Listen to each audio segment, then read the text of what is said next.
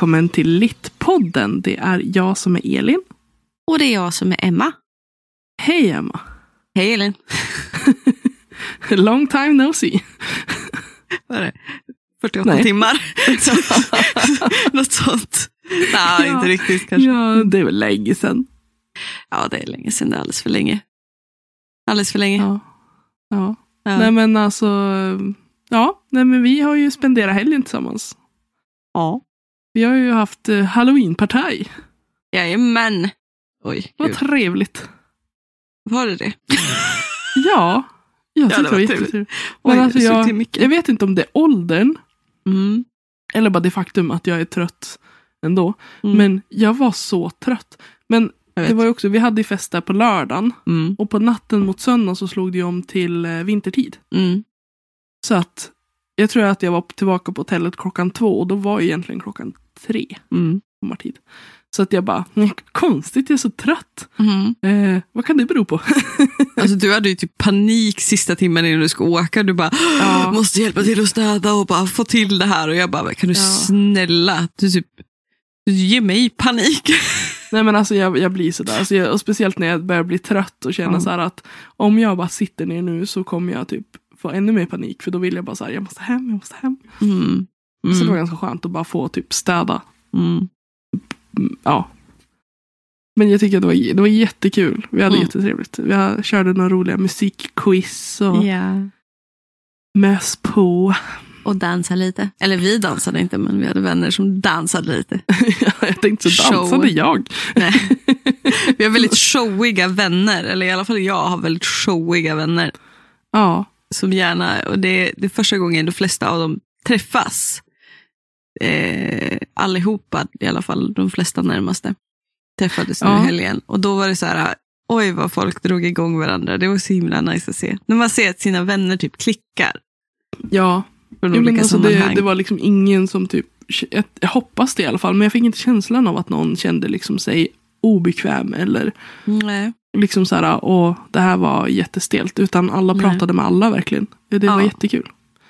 Alla är nördar också. Det är fantastiskt tycker jag. Ja, Om de inte är så här, ja, men de är inte så här, typ, mm, boknördar, så är de typ musiknördar. Eller om de inte är musiknördar som är nördar på något annat sätt, typ populärkulturnördar.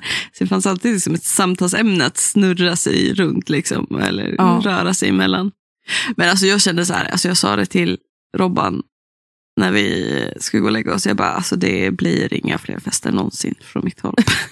alltså, jag orkar inte. Nej, men alltså, jag blir så, jag, alltså, jag, jag typ jag stör mig på mig själv först och främst.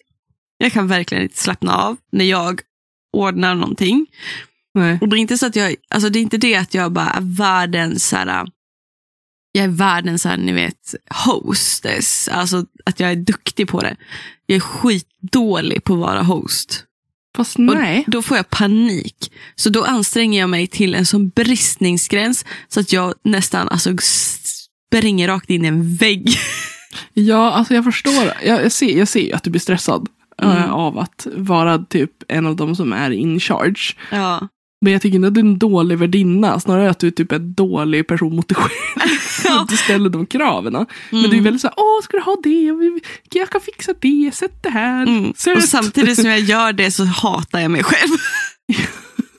Det är så här, verkligen så här, bara, fan nu står jag ibland en drink igen åt någon jävel. Jag är lite arg och så bara, här får du en jävla drinkjävel. Så var jag Och så höll- skit... Vad sa du? Och så höll du på att mörda mig också. Det var, typ, det, var, det var kvällens höjdpunkt tror jag.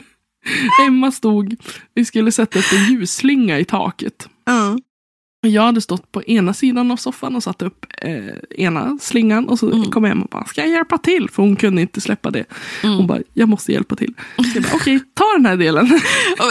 By the way, apropå det där. Jag sitter och äter och Elin står och stonkar och stönar och håller på med den där jävla ljusslingan. Och jag, jag vet, jag, jag, har, jag har OCD, nej, alltså jag har sånt kontrollbehov. Och särskilt när, människor, när jag ser att människor struggle with something. Jag vet att de klarar av det själv.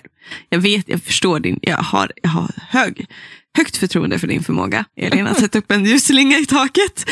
Men jag tänker hela tiden så här, om jag hade hjälpt dig, om, eller om du hade bett om hjälp, då hade det där gått så mycket fortare, så mycket smidigare.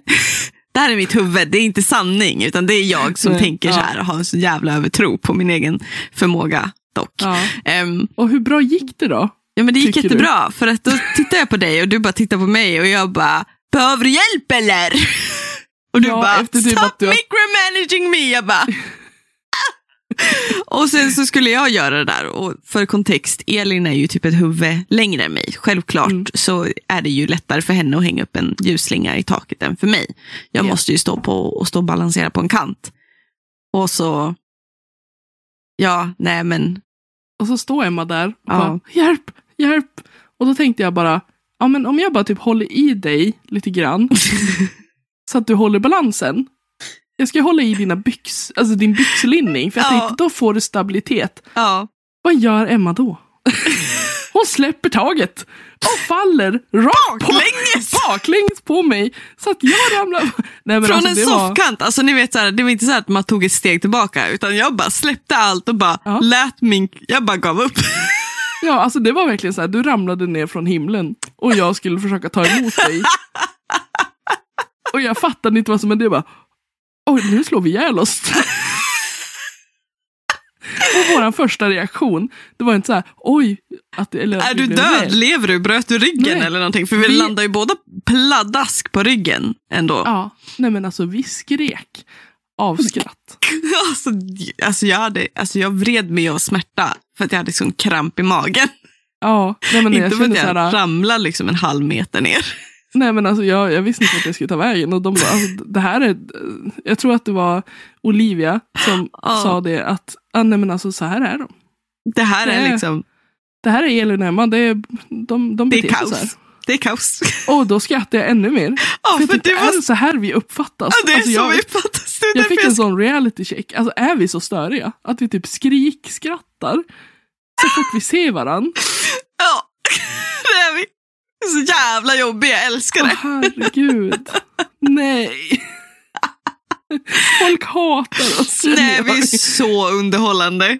Alltså, Fast, hade, ja. hade jag varit Olivia eller någon annan runt köksbordet och sett det där och bara, de där två är batshit crazy, hade jag tänkt då och bara njutit av det. Alltså vi är ju väldigt unapologetic, är vi i alla fall. Ja men Alltså, alltså, väldigt jag är för gammal ja. för att bry mig. Alltså, så Ja, här, men alltså, ja, fan, hur roligt är det att inte ramla baklänges? Jag är 32 år, om jag överlevde det då tycker jag alla andra ska göra det också. Då kan de flesta bara suck it fucking up, Ja, alltså så länge jag inte bröt höften så är det bra. Ja. Men sen, ja, sen så är vi ju i den åldern båda två där man kanske ska tänka lite mer på ryggen. Vadå, bara för att man vaknar upp en morgon och bara Oj, en, det, det, var, det var ett veck på lakanet så nu är jag i princip handikappad hela dagen. Eller bara, oj, jag somnar bland smulor, nu gör hela min kropp ont. Ja men alltså det är he- helt sinnessjukt vad lite det behövs för att man ska vara helt...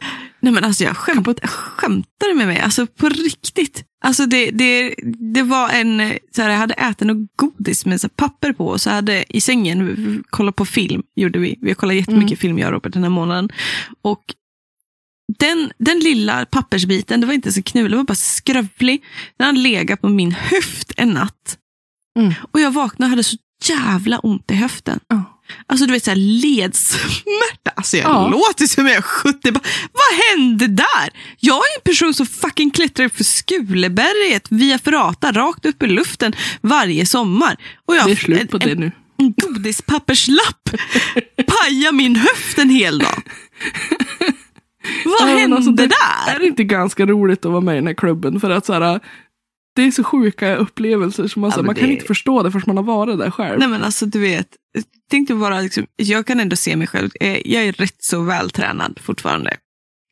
Alltså ändå. Jag fick faktiskt en komplimang för mina ryggmuskler på, på den halloweenfesten. Och den, den komplimangen ko- har jag sparat, låst in i en kista och stoppat långt in i mig själv. Jag hade jävla snygga ryggmuskler. Ooh. Yes, yes, I am very sometimes fit. Jag bär böcker hela dagarna. Nej men alltså, jag är ändå rätt så vältränad. En fucking godispapperslapp pajade min höft. Ja. Snart sitter du där skröplig med käpp. Ja, för fan alltså. Nej, det går inte för sig. Nej. går inte för sig. Jag, jag finner mig, jag accepterar inte den verkligheten, så då kommer det inte hända. Nej. Nej, jag, jag accepterar den verkligheten. Jag bara, mi, vid väderomslag så verkar mina fingrar så att jag är redan så här, been there, done that. Verkar dina fingrar? Ja, nu, är- nu är det regn på gång. Nu verkar i fingrarna. Alltså, nej, nej, skjut mig. Ja, nej. Det var en rolig helg. Det var kaos dock. Ja. Särskilt, alltså jag vet inte, jag kan känna lite så här att jag var lite dum. Jag hade en hel jobbhelg. Jobbade lördagen 11 till 18. Jobbade söndagen 11 till 18. Jag alltså, jobbade söndagen på typ så här tre timmars, fyra timmars sömn också. För att jag vaknar ju alltid tidigt på morgonen. Men vi gick och la oss sent. Eh, och vi gick upp tidigt för att städa. Och det var, ja, det var bara så här, när jag kom hem, eller bara igår. Du och jag sa inte ett ord till varandra förrän sent på kvällen. Då är det så här, är lever bara- du typ? Jag bara, yeah. Eh, maybe. Och sen skrev du så här, nu ska jag gå och dö lite grann. Jag bara, vila i frid. Du bara, vila i fred. I fred. Okej. såg, såg en TikTok. TikTok är ju amazing på många sätt och vis. Sätter ord på känslor. Ni vet den här känslan av att mm, you have been peopling with, and you love the people you're peopling with. Mm. But you realize you don't want to people with the people you're peopling with, even though you love the people you're peopling with anymore. Nej men alltså jag kan förstå. Att jag kände bara så här, jag älskar mina vänner, men vi ses om två år alltså. Ja. så här. Ja, eller ett år blir det när jag fyller 30. Men ja, skitsamma. Det är, jag tänker fan inte ett enda. Jag ska inte lyfta ett finger för den 30-årsfesten. Mitt krav är att alla kommer kl- utklädda och sköter sig själv. Det är mitt krav. Okej. Ja. ja, det låter rimligt ändå. Jag tycker det också. Alla kan sitta och läsa. Tänker jag. Ja. Nej men. Underbart. Eller hade så flyr jag bara annan- landet. Jag flyr landet. Jag flyttar till London då. Men jag hade ju en annan bra idé. Som jag Mhm. sa till dig en gång som du bara, ah det där var jättebra. Mm. Att hyra Leos lekland till dig när du fyller 30. Att det är helt tomt på folk. Att bara vi är där och du bara får så här run around like a crazy person. Får man det? Ja, det Alltså, borde man få. Ja. Nu har du sagt det. Igen. Nu är det det som gäller. Ja, Och alla styra måste ihop. klä ut sig. Jag måste få utklädd. Jag ska springa runt i en Spiderman-dräkt. ja, jag ska se vad jag kan göra. Jag, jag, jag pratar med människor. M- Människor. Några random lejon. inte, inte, några, inte några som känner dig ska du tro. Nej, okej. det, det här är Bert. Du känner inte honom men han ska fira din 30-årsdag. Okej, men nu har vi pratat jättemycket om det Ja, där. ja. Eh, hur mår du? Rent. Ehm, jag, just nu mår jag lite skit. Jag har fått lite feber. Men eh, det går till sig. Suck it up bitch. Jag. Ja, jag känner Ja. lite det. Att jag har inte tid att tycka synd om mig själv. Så jag lever på hoppet, slurp, slurplar, sl- slurp. Nej men gud. Jag dricker te med honung. Sörplar. Sörplar heter det, tack. Mm. Ehm, och bara hoppas på att morgondagen är en ny dag med nya krafter. Tror det inte, men Nej, men jag känner att jag måste leva på det där lilla, lilla, lilla hoppet som bor inne, inne, djupt inne i min lilla, lilla, lilla hjärna. lilla, lilla hjärna. Men Just nu snälla. känns det lite. Men eh, ja, annars är det väl hyfsat bra, Mm, tänker jag. Ändå. bra. Mycket roligt som händer. Mm. How are you feeling? Förutom tröttheten efter, efter helgen då. Nej men alltså jag är ganska high on life nu. Det har hänt ganska mycket förra veckan. Det har hänt, alltså hela min oktober, Elin, alltså den har ju varit kaos. Ja. Och alltså jag säger det här, ni, alltså jag säger att det är kaos hela tiden. Det är banne mig kaos hela tiden, men den här oktober i både positiv bemärkelse och väldigt negativ bemärkelse. Mm. Alltså den här toppar, den här toppar kaoset på så Ja, det är snabba jävla... vändningar. Ja men för fan, jag orkar inte. Jag orkar inte. Jag, alltså jag, nej, jag, jag pallar inte det här något mer. Och det är inte... Mm. Nej, men oktober startade ganska tungt för mig. Jag vet inte om jag sa någonting, för, nej det gjorde jag inte, för vi hade Kiki här förra eh, avsnittet. Mm. Men oktober började med att min, min moster gick bort. eh, efter en tids sjukdom. Mm. Och det var, det var jättejobbigt. Det är jobbigt fortfarande. Jag är, jätte, jag är jätteledsen. Alltså verkligen super. Sorg är jättetungt, jättesvårt. Och vi fick bara två veckor på oss. Nu har hon ju varit sjuk ett tag. Eh, men man, när, när en person är sjuk ett tag så tänker man alltid att det ska, det ska gå ändå Mm. på något sätt. Och sen så plötsligt vände allting någonstans. Jag hade en ganska bra sommar liksom. Och sen så Mm. plötsligt bara vände allting och typ där de bara, nej men vi drar tillbaka all behandling nu. Mm. Och sen tog det två veckor. Vilket är, man tänker två veckor är en, ändå en halv månad liksom att få. Mm. Men när man har fått flera år liksom Mm. och levt på Man det där. tror inte liksom att det ska gå så fort.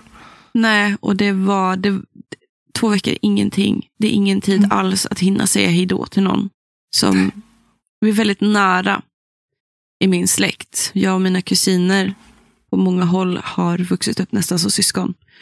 Och min moster har ju varit med mig sedan jag var liten. Liksom. Mm. Vi har ju liksom en egen relation någonstans. Vi är ändå så pass nära i ålder har vi varit. Um, ändå. Och det är jag och mina kusiner är också liksom nära i ålder och det har liksom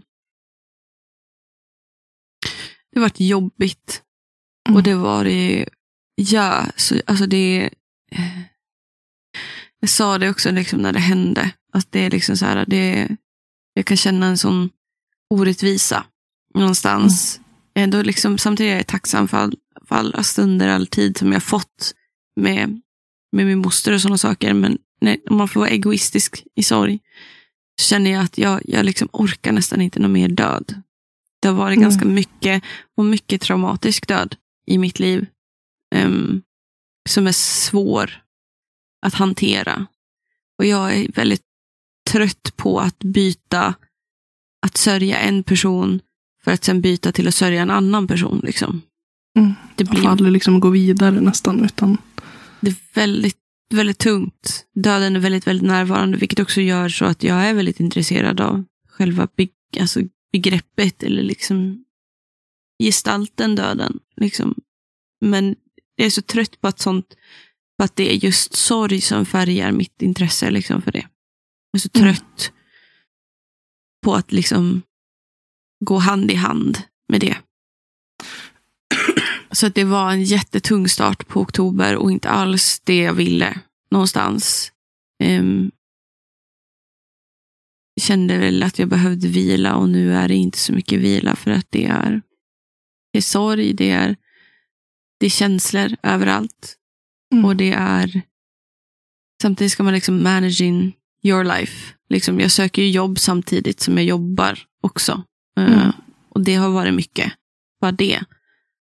Och så samtidigt ska man då orka gå på jobbet när man Första veckan var ju värst. Liksom. Det var, då, var det, Mm. då bröt jag ihop vart, om vartannat. Och sen så är det ju så. Min, min släkt är ju från Västerbotten. Så min moster och hennes familj har ju bott här stort sett hela mitt liv. Jag flyttade ju hit när jag var eh, 22. och Och- dit menar du Umeå. ja, till Umeå. Och alla känner ju min moster och mina kusiner. Och jag är då Mm. på en butik där de flesta går in. Så det är ju liksom inte så att man får gå anonymt omkring och vara ledsen och Nej. sörja själv, utan det är väldigt många människor som kommer fram och, och liksom knäcker lite den här, det här försöket att få bara ha ett normalt liv för stunden. Liksom. Och jag i stora känslor vill gärna gå in i mig själv många gånger. Och Mm. jag blir väldigt logisk och väldigt så här. Ja, mm, mm. Alltså jag blir väldigt så och föredrar nog oftast att finnas för människor i sorg än att folk ska finnas för mig eller beklaga min sorg. Mm. Så att hela min bild av mig själv många gånger krackelerar på jobbet. Liksom. Första veckan krackelerade den många gånger och det var, var inget kul. Inget kul alls. Någonstans. Man söker ju någon form av normalitet. Också. tänker jag. För man tappar ju Mm. väldigt mycket sammanhang och normalitet när man tappar någon. Mm. Oavsett hur nära man var. Eller liksom, Mm. det är det sorg gör. Att man vill ju gå, återgå till någon form av normal vardag. Mm. Där man får andas lite grann. För annars blir ju Mm. sorgen, väl, den tar ju upp väldigt mycket tid Mm. och energi. Och det var det som var så svårt någonstans. Jag skrev ju min magister om döden och humor. Hur man kan Mm. prata om döden. Och det är jag väldigt tacksam för att jag har kvar den kunskapen från när jag skrev om till exempel hur Terry Pratchett skriver om döden och om hur eh, Christopher Moore skriver om döden. Att det får, måste få vara, finnas det roliga, det måste finnas ljus och ljusglimtar. Det måste det, måste det annars överlever man inte sorg. Man måste också få utlopp för det negativa. I, det var någonting som var väldigt, väldigt tydligt. Jag kommer ihåg jag läste i de här Sigurdsson-teorierna om, om komedi. Liksom Mm. om humorns historia. Att, eh, alltså humorn är liksom, den är, it's a fine line. Särskilt i litteratur, liksom. Eh, mellan eh, absurd, a, absurt allvar och mörker och absur, absurt ljus någonstans. Mm. Och att det, det måste befinna sig där. Du måste ha det mörka och det ljusa balanserat. Men när det mörka kommer över en lite som när någon beklagar en sorg och man ser genuint att de är ledsen för en skull. em, då krackelerar det. Liksom. Då tippar man och åker in i ena diket. Mm. Och för mig är det väldigt svårt någonstans eftersom jag redan bär på ganska tunga sorger i livet. Em, som jag kanske liksom inte kanske alltid visar. Em, Mm. Jag är transparent när det kommer till mycket men när det kommer till döden så är det väldigt jobbigt för mig att berätta för människor vad det är som jag har vad som har hänt många gånger i mitt liv. För att det är ganska mycket. Jag tänker också att det är viktigt att man får känna den där känslan av att man inte behöver säga någonting om man inte vill heller. Mm. Att det kan absolut vara bra om, om det är bra för en person att få dela med sig så ska man ju Mm. absolut göra det. Att man Mm. vill gärna uppmuntra det för det är ingenting man ska gå runt och bära själv. Nej. Men samtidigt så är det ju också viktigt att det aldrig finns en förväntan om Mm. att jag måste äga någonting av dig. Att du måste dela med dig för att vi har en relation. Eller, Nej. utan att det är någonting, döden är ju också väldigt på många sätt privat. Mm. Eller känslorna kring döden, alltså att någon är död. Mm. Den sorgen är ju, kan ju vara väldigt privat. Mm. Ibland vill man inte dela med sig. Nej. Och det blir väl väldigt mycket så här. äh, Jag tror för, jag, för mig är ju humor väldigt mycket ett skydd.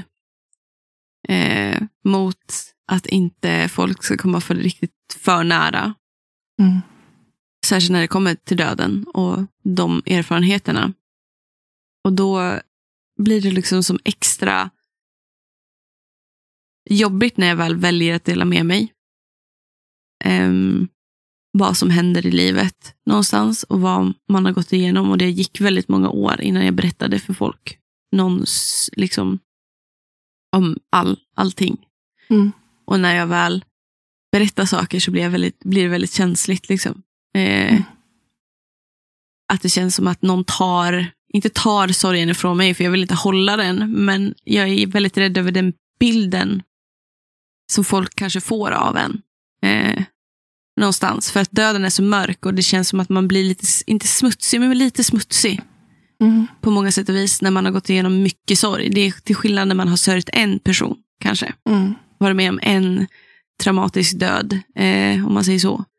Mm.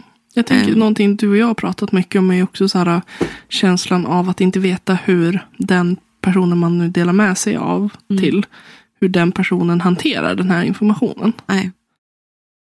Att Ja. det också kan vara någonting som är jobbigt. Liksom, hur kommer du behandla mig efter det här? Vad Mm. kommer du göra med den här informationen du vet om mig? Kommer du använda det liksom, till din fördel eller kommer du förvalta den på ett bra Mm. sätt? Och skydda mig?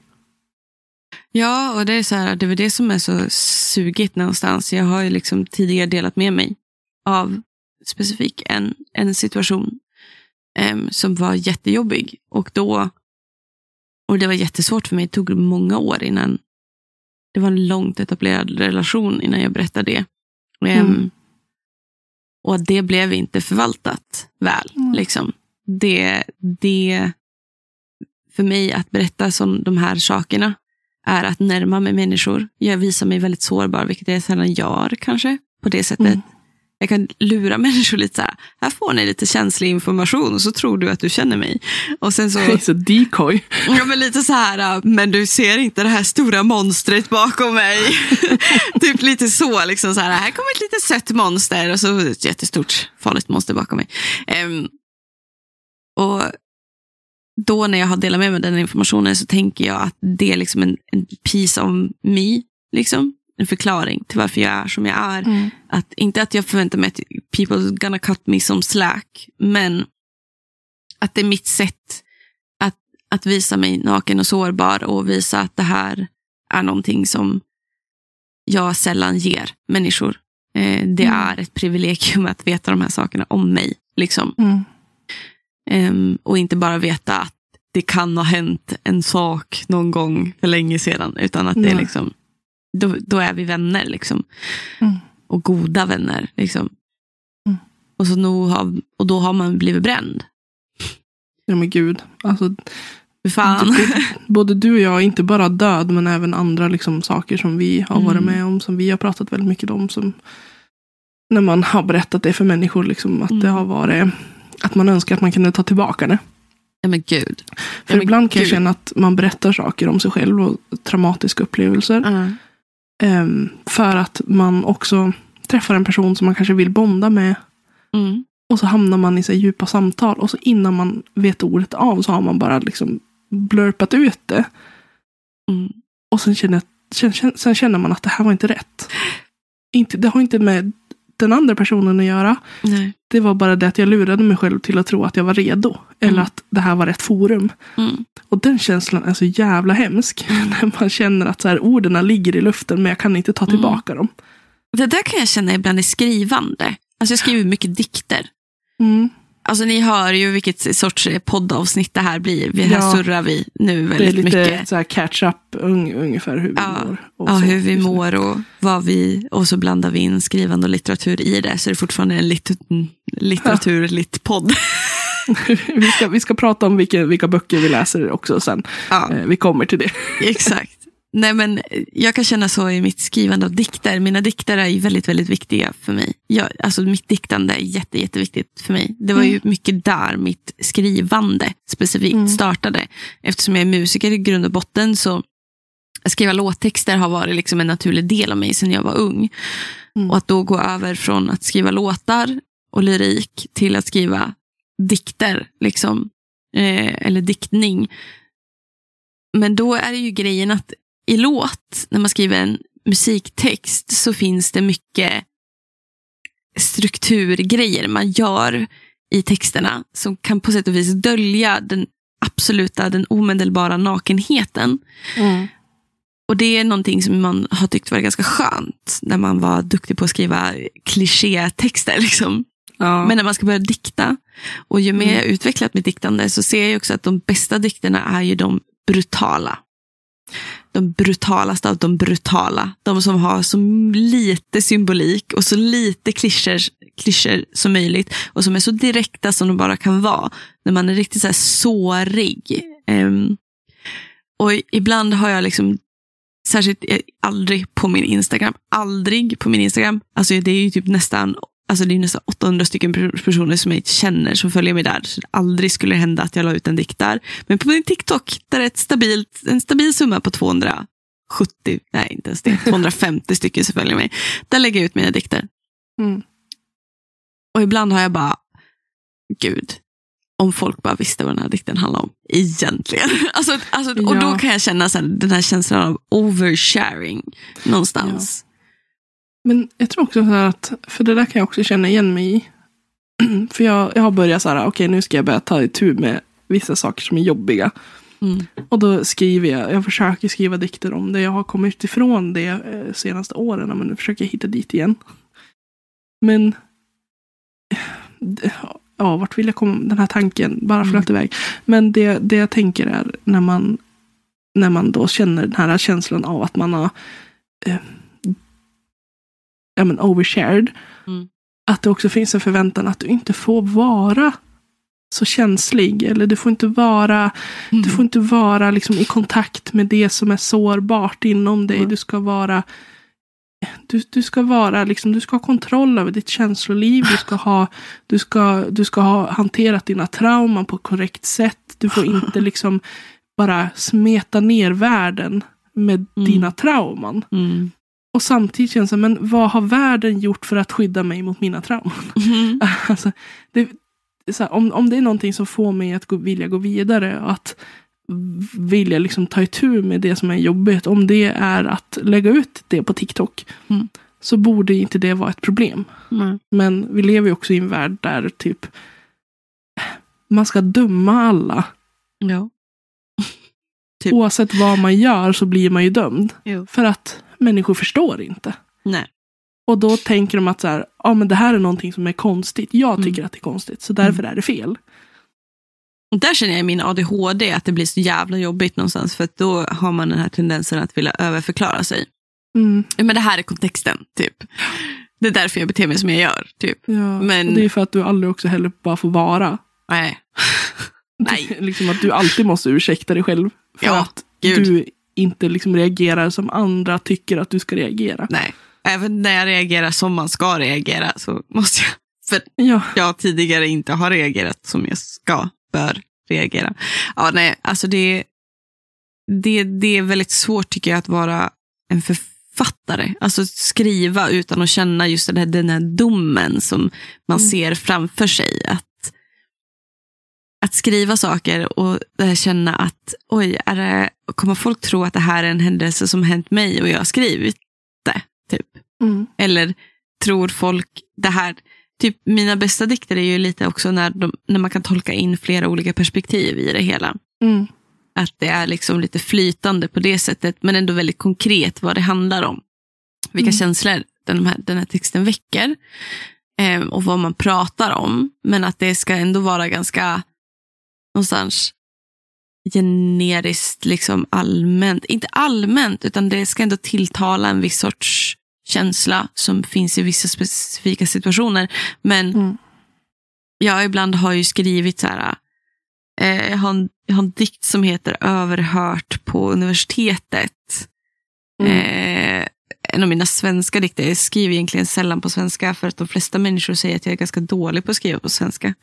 Vem fan har sagt att du är dålig på att skriva på svenska? Eh, det är några stycken. Okej. Jag är inte dålig på att skriva på svenska rent generellt, utan dålig på att skriva dikter på svenska. Och det kan jag hålla Men med om. fuck dem. Men jag vet inte varför, mina dikter blir väldigt cringe på svenska. Men den Ja, i alla alltså, fall. det är klart där- att du tycker det när folk säger att de är dålig. Alltså det var det värsta jag hört. Jag blir upprörd å dina vägnar. Fan är det för fel på folk? Nej, det, det, de säger det med glimten i ögat, tänker jag. Ja, fan vad dåligt det här var. Men nu Elin, du kan inte bli sekundärt kränkt om mina vägnar Jo, om jag jo, inte det- är det. Jo, Skärp dig. nu blir jag kränkt. Typ, va? Nej. Jag blir arg. Ingenting att bli arg över. Nej, men jag tänker att eh, men den, just den dikten överhört på universitetet, det är, det är på riktigt små, korta, korta fraser som jag suttit och skriver ner när jag suttit och tjuvlyssnat på människor. Förlåt om det är du. Men det, ibland säger människor så konstiga saker när de inte tror att eh, folk hör. alltså, Jag det säger var, konstiga saker även om folk hör. Same, same. Though. Em, men det är typ så här, det var någon gång någon pratade typ om eh, i telefon, jag satt bakom i ett av båsen och de pratade om så här, jag vill göra så mycket med dig. Alltså, ja du vet. Det var, det var så här, jag höll andan och jag bara satt och knappade in ord för ord på min telefon. Wow, Och sen du så har la- tyckte jag- transkriberat ett sexsamtal. Ja. Det Och s- låter inget bra. När du säger Nej, och det, jag tyckte det var... Jag var och, det är liksom så här, den, det samtalet med ett annat samtal jag hörde för att jag råkade stå inne på toalett och någon stod precis utanför toalettdörren och väntade på att få gå in på någon av toaletterna för allt, det är alltid upptaget. Och då pratade de med någon annan, liksom så här, också ganska intimt. Och jag bara knappar ner på sin telefon. Och den dikten, jag tycker om den dikten väldigt mycket. Jag tycker den är väldigt charmig någonstans. För att det, det var väldigt mycket drömmigt i, i alla de här små samtalen som jag sen gjorde till ett enda långt samtal. Mm. Och så la jag ut den dikten. Fick typ noll likes, men ändå. Ehm, och sen så har jag typ så här, för någon, typ så här, någon månad sedan gått tillbaka och lyssnat på den där dikten och så bara, oh, tänk om folk tror att det här liksom jag. Eller liksom, även fast jag säger det liksom till, även fast jag säger det liksom att det är överhört på universitetet och så bara börjar den här dikten med jag vill göra så mycket med dig. och, och jag bara så här, uh. Alltså hade det varit du bara, jag vill göra så mycket med dig. Jag vill hoppa, jag vill hoppa hoppborg. jag vill göra kullerbyttor. Jag vill Jag klättra vill, i rep. Jag vill... jag vill svinga i lianer och sen kanske läsa någon bok.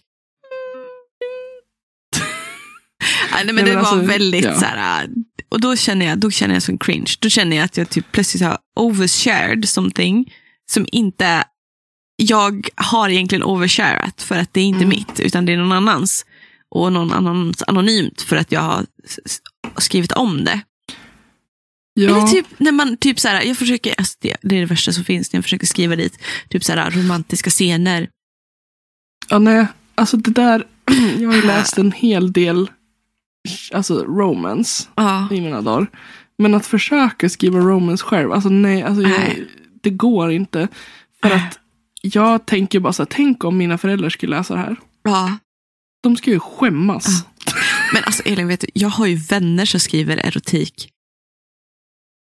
Alltså, och, och jag har frågat de här vännerna, som säkert vet vilka de är, bara, hur, hur, hur förhåller du dig till det? Liksom. Hon bara, no. ja. ja, men det är väl lite awkward, men ja. Gör man research genom att typ titta på porr och bara det här, Nej, vet du vad de gör? Vet du vad de gör? De läser en bok som heter Death's Obsession. aha. Och som en händelse bara råkar ha den i handen. För att den här boken är en bok som jag har tagit upp och börjat läsa och lagt ner.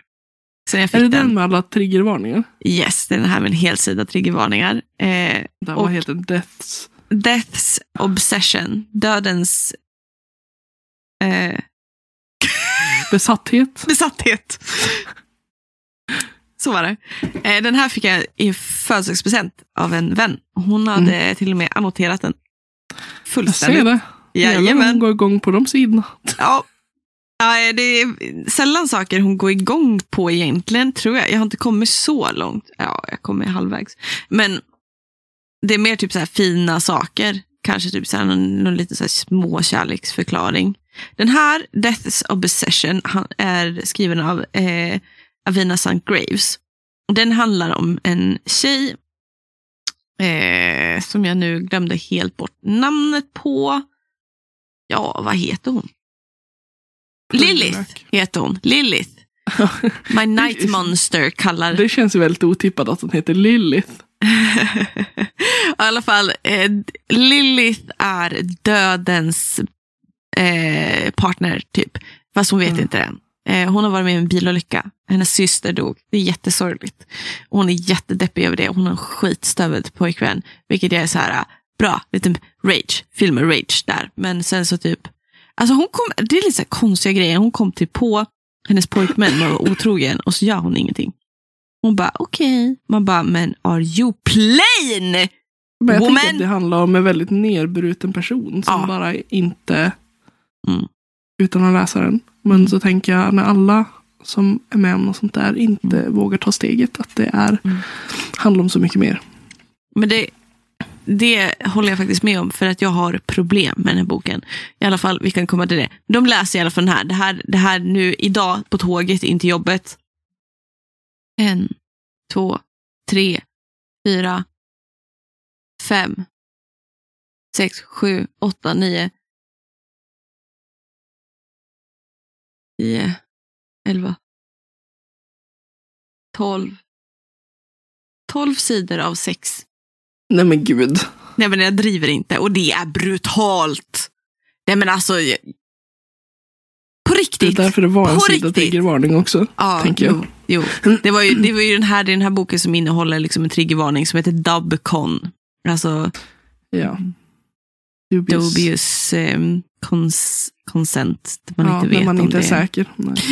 Det, och det är... Uh, jag är inte säker. I have Nej. no idea if this is consensual or not. Alltså, mm, nej. Alltså, Mm. alltså, jag tror att jag måste läsa den bara för att ha upplevt det. Ja, men alltså Men sen det kan här jag är inte ju... lova att jag, att jag kommer vara helt nöjd med upplevelsen känner jag. Men Alltså, alltså jag är typ så här, du vet när jag läste, nu pratar jag ju sönder om eh, den Ice Planet Barbarian, men det var ju en så jävla surrealistisk känsla.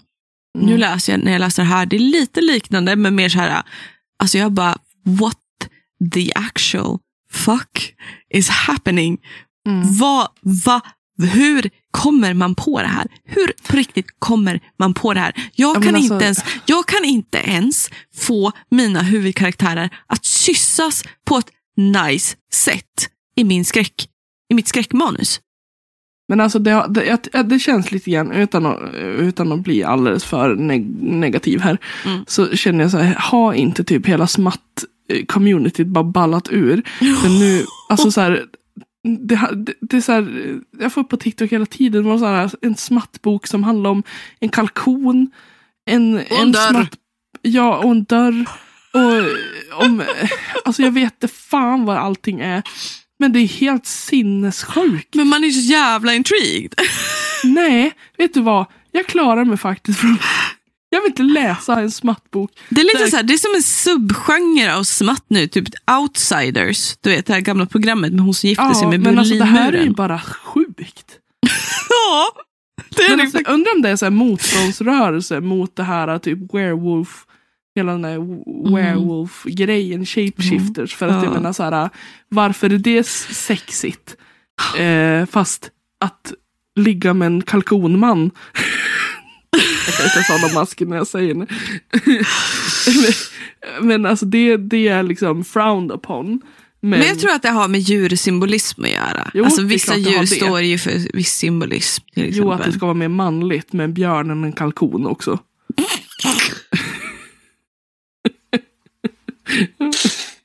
Nej, alltså jag, jag klarar inte. Kan, När vi, kan vi gå, kan vi, jag känner så här. Men jag måste få prata klart om det. Det är, det är den här sortens bok de läser. Ja, Men alltså den här boken, alltså Death's Obsession. Jag är, obsessed. nej jag är upprörd. För att jag har kommit halvvägs i boken nu. Eh, Mm. Och jag kommer nu behöva lägga den åt sidan. För att jag har precis tagit mig igenom 12 sidor under en tågresa. Av sex. Som jag inte vet är hälsosam. att Min hjärna vet om just nu. Ehm, och jag känner lite så här spontant att jag tror inte att Avina St. Graves är en kvinna. Men det tror du aldrig Nej, om kvinnliga författare som skriver Nej. smatt. nej, nej, nej, nej. Alltså det kan inte vara en kvinna. Det är så, alltså hur döden beskrivs också. Alltså rent så här, typ en sexy döden. Du vet, har du spelat spe, alltså, spelet eh, Silent Hill? Nej. Här. Det är i alla fall, alltså det är en gubbe där, en, en skräckkaraktär där som är, som, som, som är typ så superrippad. Och han har typ en huva på sig så man inte ser hans ansikte. Men han har typ en västmantel på sig så man ser armarna. Och man ser Ja. typ en öppen bröstkorg. Han är ju, det är ju inte sexigt, han är ju inte sexig, det är inte det jag menar. Men det är typ åt det hållet som den här gubben beskrivs. Ja. Alltså döden beskrivs så. Och jag bara, fast det är ju inte det som är sexigt med döden. Det är ju därför han blir en, en, en så här. Om jag vill läsa om en sexig döden är det ju för att man vill läsa om mystiken. Fast det är ju du, tänker jag. Alltså, jag tror att det finns så många som bara går igång på tanken av en het kropp. Alltså, Som en, enligt norm är en het kropp. Ja, Eh, men det är jag, det, alltså- jag tror att det inte är svårare än så. Alltså, jag, jag, jag håller med dig. Att jag kan också tycka att det är mystiken och att det är, Mm, det är karaktären i sig. mm, Men jag tror att det också blir fel att Mm. basera att jag säger liksom att jag tror inte att författaren är kvinna bara på grund av det här för att det inte är någonting du tycker om. Förstår du vad jag menar? jag kanske, jag kanske, alltså honestly, jag också funderar på det. Jag kanske är för queer för smuttböcker. Ja. Ja, I alla Honestly. fall liksom norm. Det som bara så är hetero. Du kanske, alltså, behöver, Det är liksom så du kanske behöver läsa smatt som är mer queer helt enkelt. Ja, men alltså, hon är så här, helt obsessed med att han ska typ penetrera henne med fucking Ja. skuggor. Ja, Ett och jag tycker skuggjag. också, jag, jag, jag som är straight kan ju också tycka att det är skitskevt. Mm, men I don't know. Kanske Men- det är någonting man går igång på. Om du I don't know. har alternativet att inte bli. Ja, okej. Alltså bara penetration kanske är typ det som är sexigt och sen spelar det ingen roll om vad. Uh, I don't know. Jag vet inte, det är så jävla oskönt. Och samtidigt är de manliga karaktärerna, de är så jävla välskrivna. Jag tänker bara, det är män. Det är man. Det måste vara man. Ja. För en kvinnlig karaktär skulle aldrig beskriva en snubbe på det här sättet. Liksom. Jag tycker att det blir lite hårt att dra, att dra den slutsatsen. Men jag är utan- hård! Det är det som är problemet för alla män där också. jag, jag är för, eh, jag tror jag är för queer för, Ja. för den här sortens smutt. Och jag förstår då att om det är det här man har läst. Jag har ju aldrig läst det här förut. Jag har ju knappt läst romance. Jag har läst liksom Stolthet och fördom. Liksom, det är min grej. Men då förstår jag att man kan skriva romance. Ja, och så tänker jag smatt kanske egentligen inte är till för att man ska ha en karaktärsutveckling eller en spännande karaktärsutveckling. Det är sexet man är där för lite grann. Om man gillar smatt. Ja, kanske. Det är lite som att om du vill Men alltså, alltså om, du, om du bara vill titta på sex så slår du ju inte igång typ, inte vet jag, The Notebook. Då slår du ju igång typ någon Porrvideo. porrfilm. Alltså så här, Men alltså det här är bara så sjukt. Alltså, It's only fair that you taste me too. My eyes widen before my head is pushed straight down onto his... men alltså det är också så här, Alltså, my, jag, jag my att mouth finns, barely fits around him. Still he pushes further inside me. Alltså driver du med mig? jag, tänk, jag tänker att här är också viktigt tror jag att tänka på den internaliserade Misogyniteten. internaliserade- Ja, precis. Att Mm. det här är någonting vi har lärt oss ska vara sexigt som vi också ska tycka är sexigt. Mm. Att vi förhåller oss ju straighta kvinnor som eh, liksom ligger med straighta män, tänker jag på nu. Mm. Förhåller oss ju väldigt mycket på vad de vill ha. Och Mm. det är ju också, forskning visar ju på att de flesta män Mm. också lär sig, eller liksom de Ja men de får sin uppfattning av sex genom porr. Mm. Porr visar ju en väldigt våldsam ofta sida av sex. Det ska ju Mm. vara väldigt hetsigt. Det ska inte vara liksom rom, Pang romantiserat. på rödbetan. Ja, det ska inte vara sensuellt utan det ska vara hårda tag och Mm. man ska liksom kasta omkring varandra i princip. Mm. Det är ju typ the basic straight porn Mm. beskrivet. Alltså, och det det, är klart det speglar Ja. ju också vad kvinnor vill ha inom mm. citat eller inom Mm.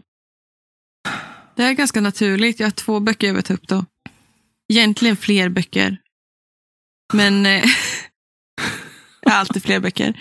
Jag tycker det är lite roligt. Jag har läst två böcker. En av Bell Hooks, All about love, mm, eh, New Visions. Och sen så har jag läst Tender is the flesh av Agustina Batzerica. Jag tipsade ju om den här boken också till folk.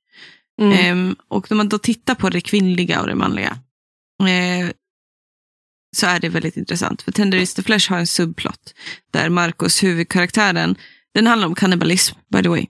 Eh, eh, där köttmarknaden är att de föder upp människor. Eh, jag och tror så. du pratade om den för, för Jag tror det också. Men det är ju en relation den här Marcus har med en av de här uppfödda människorna, en kvinna. Hur han använder henne utifrån, helt utifrån sina... Han, han känner som ingen omsorg över henne. Och det var det som skrämde mig mest tror jag med den här boken. Och, och det är så intressant då att jag läste All about love efter den. För att i det här kapitlet i, som heter Honesty, eh, som eh, Bell Hooks, eh, det här, All about love är skriven av Bell Hooks. Bell Hooks har vi pratat om tidigare, är en, är en av mina husgudinnor, husgudar. Eh, hon, även för de flesta tror jag, litteraturvetare egentligen. Eh, oj, vad hände med Elin? Du zoomade ut. Nej, jag lyssnar. Jaha, okej. förlåt. Du såg så less ut. I alla fall, Förlåt. i kapitlet Honesty så skriver Bell Hooks om kvinnlig och manlig kärlek. Liksom. Och att kvinnan har blivit lärd att på riktigt typ att, en, att som kvinna, alltså rent generellt som kvinna är du inte värd kärlek om inte du anpassar dig efter mannen. Och det tar sig oftast uttryck att i ett sort, alltså det misogyna samhället har lärt kvinnor att people pleasa män till en sån nivå att vi tappar en identitet, en vår kärleksidentitet kan man säga. Och män har blivit lärd att, att det handlar om makt. Mm. Så att allt vad de kan göra, även i kärlek, även om du känner omsorg för människan, även fast du känner, är kär i en person, så handlar det om makt. Så att en man, en kvinna people pleaser alltid en man. Och en man har hans första, hans första liksom eh, typ mission, hans första liksom tanke är på sig själv och att ha makt. Och sen Mm. kommer omsorgen och kärleken för sin partner. Mm. Och det är någonting som inte är liksom manligkodat eller kvinnligkodat, utan det är så vi blir fostrade i vårt, i vårt samhälle, i det västerländska samhället i alla fall. Mm. Som Ja, då tänker jag så här. Att när man då tittar tillbaka på de här böckerna då som du stör dig på. Ja. Så, alltså med all rätt, alltså jag förstår verkligen. Men att istället för att då tänka att det här är en man som har skrivit det, för att det är så, Mm. ligger så långt bort från hur vi skulle se på det. Mm. Så tänker jag att det här är skriven kanske av en kvinna för kvinnor som är i samma situation. Där man har en internaliserad misogyni. Mm. Där man tycker att det här är sexigt. Mm. Jo, jag tänker också väldigt mycket på när jag skrev om... Eh, för nu kan jag prata lite mer, känner jag, lite fri att prata om min uppsats. Jag fick ett väldigt bra betyg på min uppsats. Så att eh, jag vill prata lite om den. Nej, men, eh, jag kommer ihåg också att det är liksom någonstans den här internaliserade manliga blicken var någonting jag ändå så här försökte antyda i min uppsats. Att det här, det här är liksom, det är inte svart eller vitt, det är inte negativt eller positivt. I just skräck skräckscenariot eller skräckgenren så är det ganska positivt with the male gaze någonstans. För att den, den, den väcker känslor och obehag hos en, en grupp läsare. Liksom. Men samtidigt så måste vi problematisera varför är det här en rädsla. Mm. Ehm, Jag tänker att det är också just att problematisera. Inte att problematisera vad andra läser, för jag vill inte shamea någon heller. nej, För jag har pratat väldigt mycket om det förut, liksom, Mm. att vi vill ju att alla ska få läsa vad de vill. Men Ja. att man också ska vara väldigt medveten om vad Ja. man läser. precis. Och att man själv ställer sig frågan, Ja. stämmer det här överens med mina värderingar? Mm. Hur, känns, hur känner jag inför det här? Mm. Väckte det här några jobbiga känslor hos mig? Mm. Ja. Att jag tror att det är väldigt viktigt att man bär med sig, speciellt när man läser sådana här typer av böcker. Där. Jag menar alltså bara just att det finns en hel sida triggervarningar Ja. som den här första boken du hade med dig. Ja. Ehm, det säger ju väldigt mycket om innehållet. Att de ens behöver finnas. Och, och jag tror att det är det som stör mig. Jag, åh, jag tror jag har knäckt koden. Jag Oj. tror, jag tror jag vet exakt varför en, just till exempel hittills det, dit jag har kommit i den här boken, Death's Obsession, varför den, it troubles me. Och de flesta sådana här böcker i samma sorts dynamik, som, som skildrar samma sorts dynamik i smutt. För att nu har jag läst fan A Court of Thorns and Roses, liksom, till exempel. Det är inte smutt smutt, men det är ju, det är ju sexigt, det är spicy. Och jag kan ju tycka det, jag läser ju det här för att jag vill förstå. Jag vill veta och jag vill ha liksom vatten på min kvarn när jag själv kanske inte tycker om någonting. Och jag förstår att jag kanske inte förstår genren fullt ut. Men jag tror att det som stör mig, det är att det finns en förklädd sexualisering av den här kvinnan. Mm. Det, är en, det är en sexualisering av henne.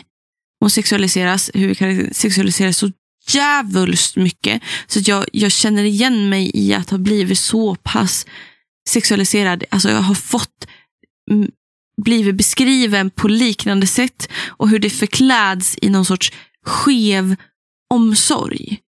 Mm. Att det, det ska ju bara vara en komplimang, du ska ju bli tacksam. Ja, Var lite tacksam över att en man... Men du är sexig. Vill, ja, men ja. Vad betyder sexig? Det är ett tomt ord. Liksom. Vad betyder det? Nej, men jag har inget bättre sätt att beskriva det på.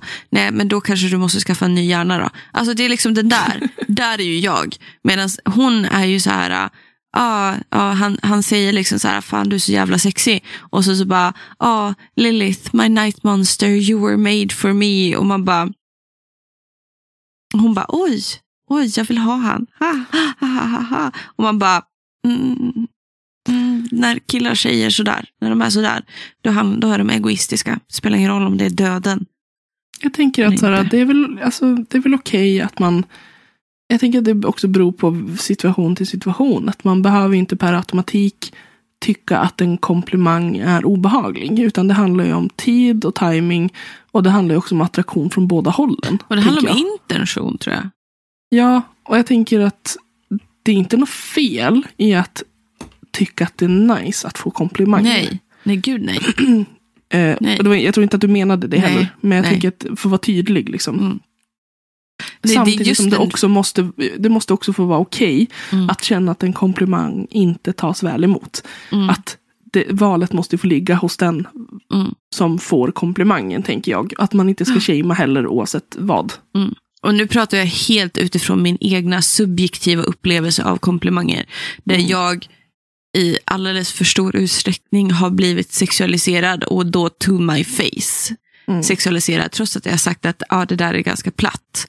Det där är ganska obehagligt eller det där är ganska, varför, varför? Jag gillar inte ens komplimanger. Det gör mig obekväm och det gör mig överväldigad och det tycker det är jobbigt. Bara generellt. Men sen har jag också blivit väldigt ofta sexualiserad i det. Mm. Because... Det är inte. ovälkommet. Det är ingenting Mm. du vill ha. Nej, exakt. Speciellt av den personen som säger det. Att, jag menar, det är en Ja. sak om man så får höra du är sexig från någon som man vill Mm. ska säga det. Ja.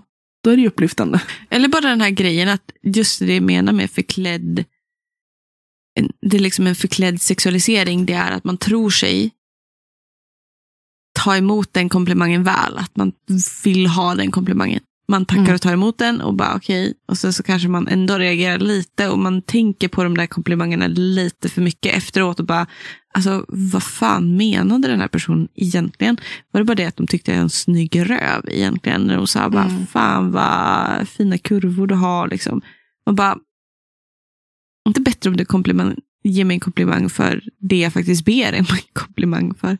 Alltså det, det är svårt att förklara. Det här är helt subjektivt. Alltså det är det jag menar med att jag knäcker koden för varför jag, jag tycker, jag känner igen mönstret. Mm. Helt enkelt.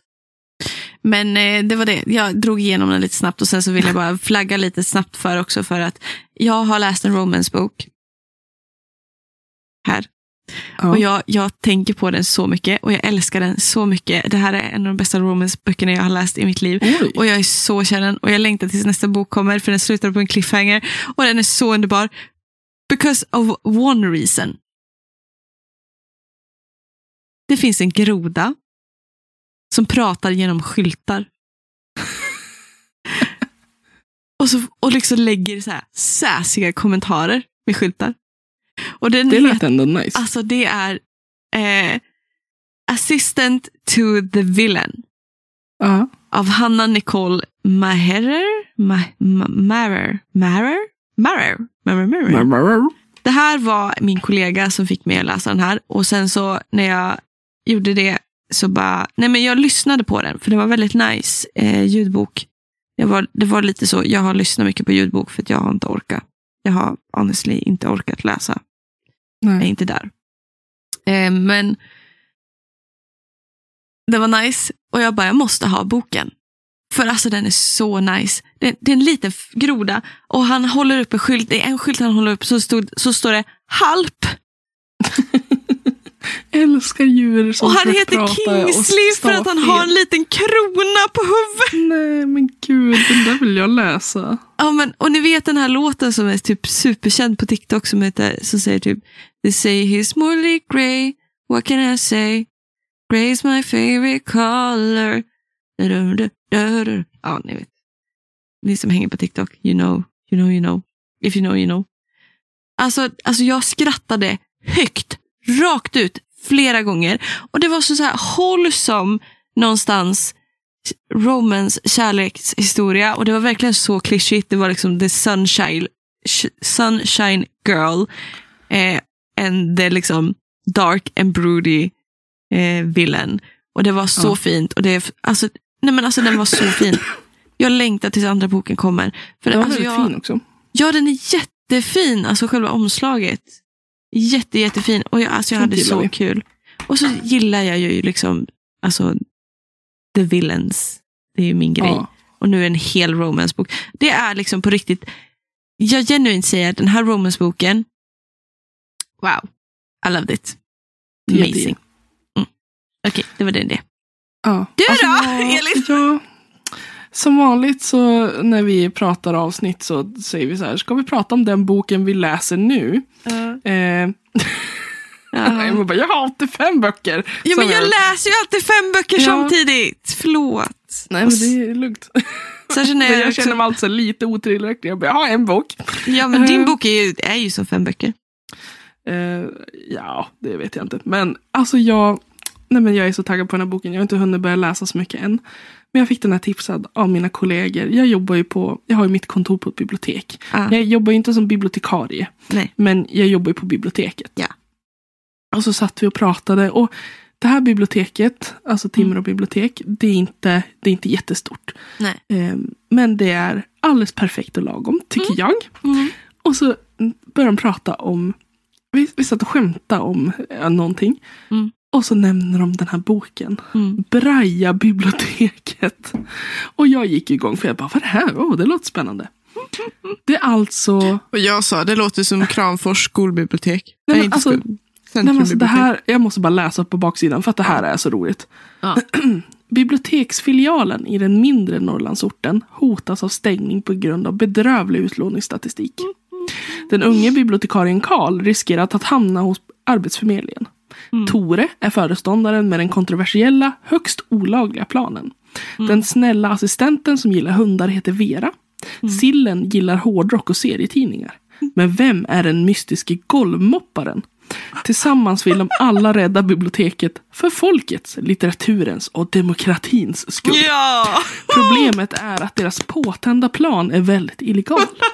Och kan de hålla hemligheten från bibliotekets självutnämnda kvarters, kvarterspolis Sigrid och den vidriga taxen Poppe?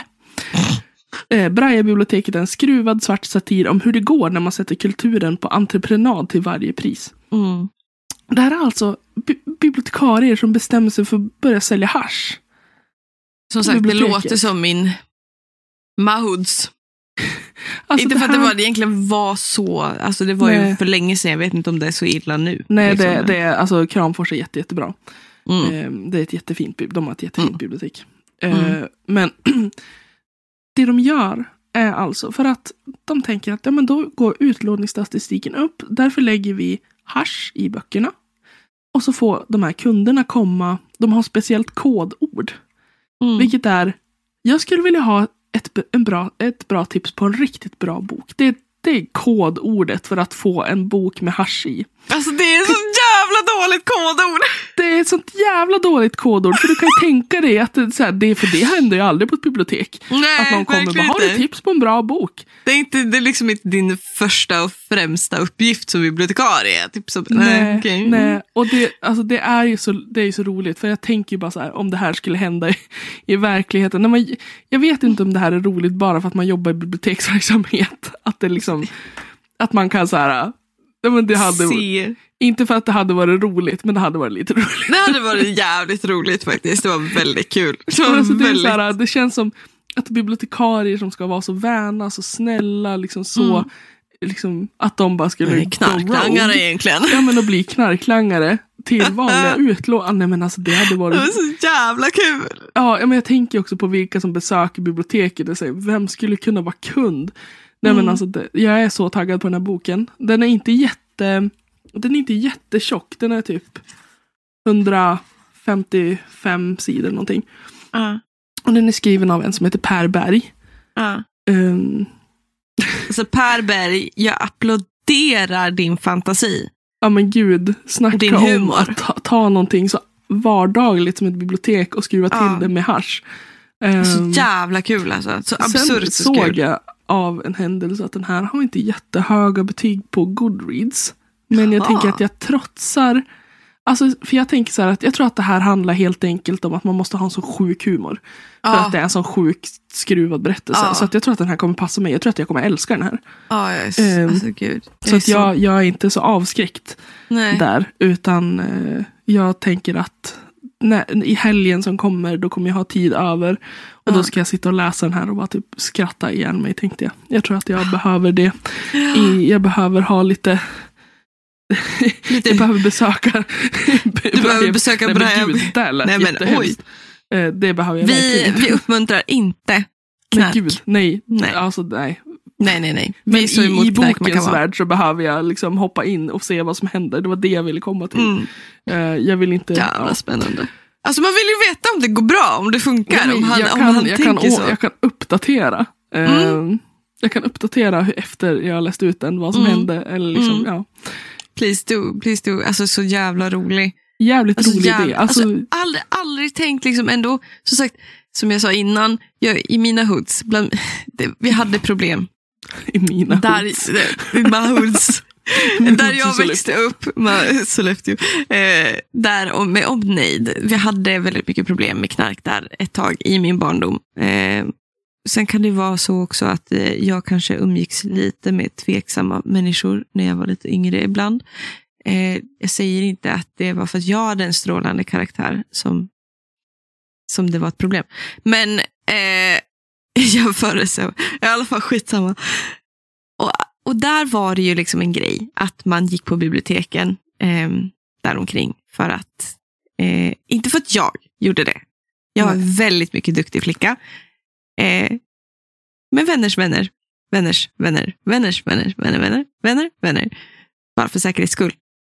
Eh, säger jag så. Eh, absolut var flitiga biblioteksbesökare, inte för att de var starka läsare, utan för att, Det var tyst, lugnt och man fick vara i fred. ja, För det, det tror jag är ett problem på de flesta stora bibliotek. Ehm, ja. att man möts. eh, för att det sällan är väktare där Mm. eh, personalen kanske inte hinner ha koll på vad Nej. gör. Då- Man förlitar sig liksom på att besökaren Mm. går och strosar runt själv. Mm. Och Ja.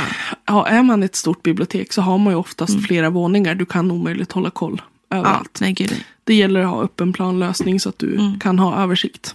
Ja, precis. Men eh, det är inte liksom, det är inte bara här i Västernorrland eller Nej. i hela Norrland utan det Nej. är samhället stort. mm. Du vet, jag tror att det var Piteå eller Luleå Mm. som det var eh, ungdomar som de var tvungna att stänga toaletterna där på biblioteket, på stadsbiblioteket för att ungdomar sniffar eh, alltså sån här um, typ eh, vad heter det, torrschampo. Inne Va? på, ja, det är ju Torr? äh, inte beta, ja, men det är ju sån butangas i, det är samma sak som att sniffa hårspray, du blir hög. Eh, Och då så att- sniffa hårspray? Sniffa? Ja. Gjorde man det?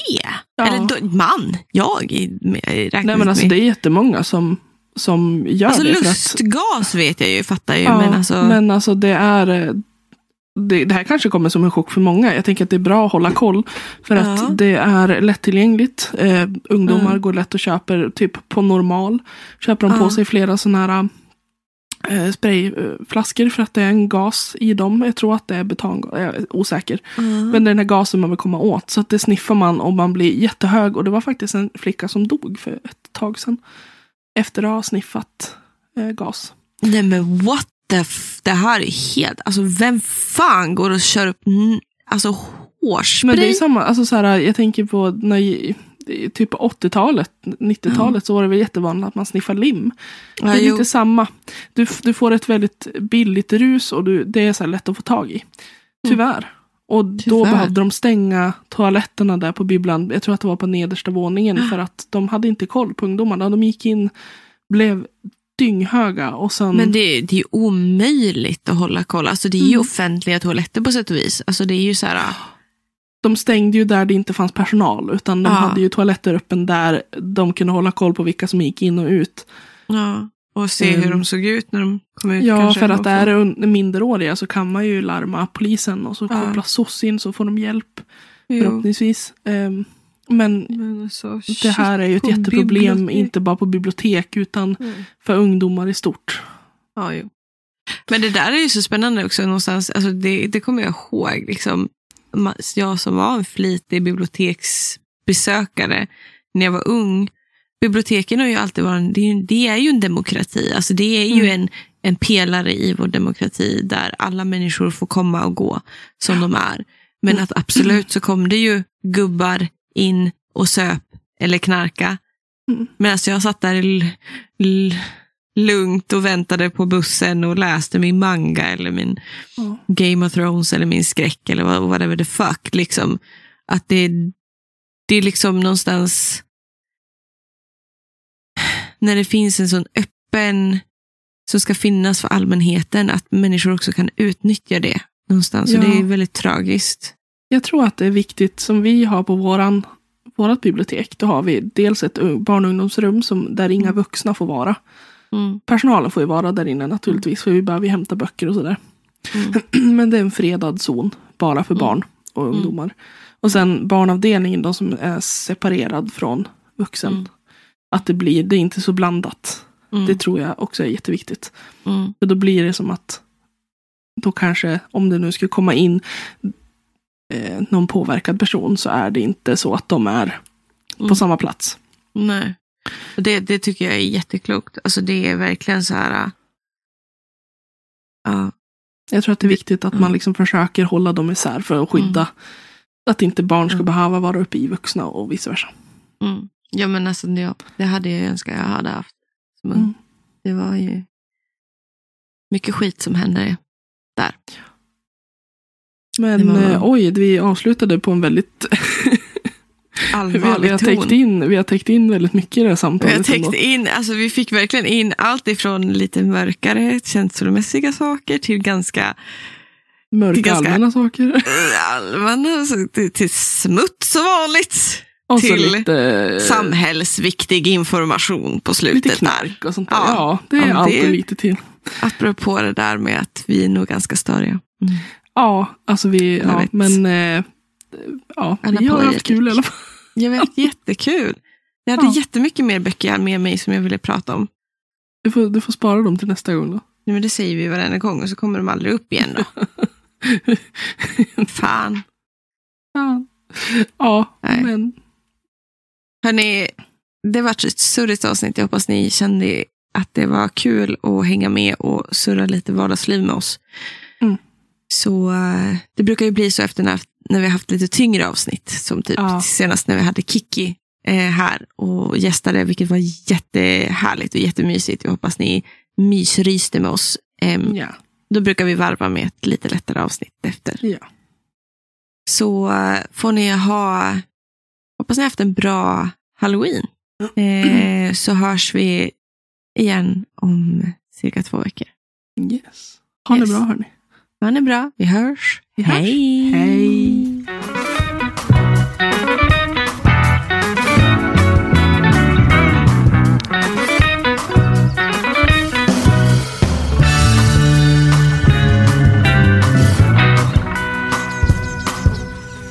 Ni har lyssnat på Littpodden med mig, Elin Oslin och Emma Granholm.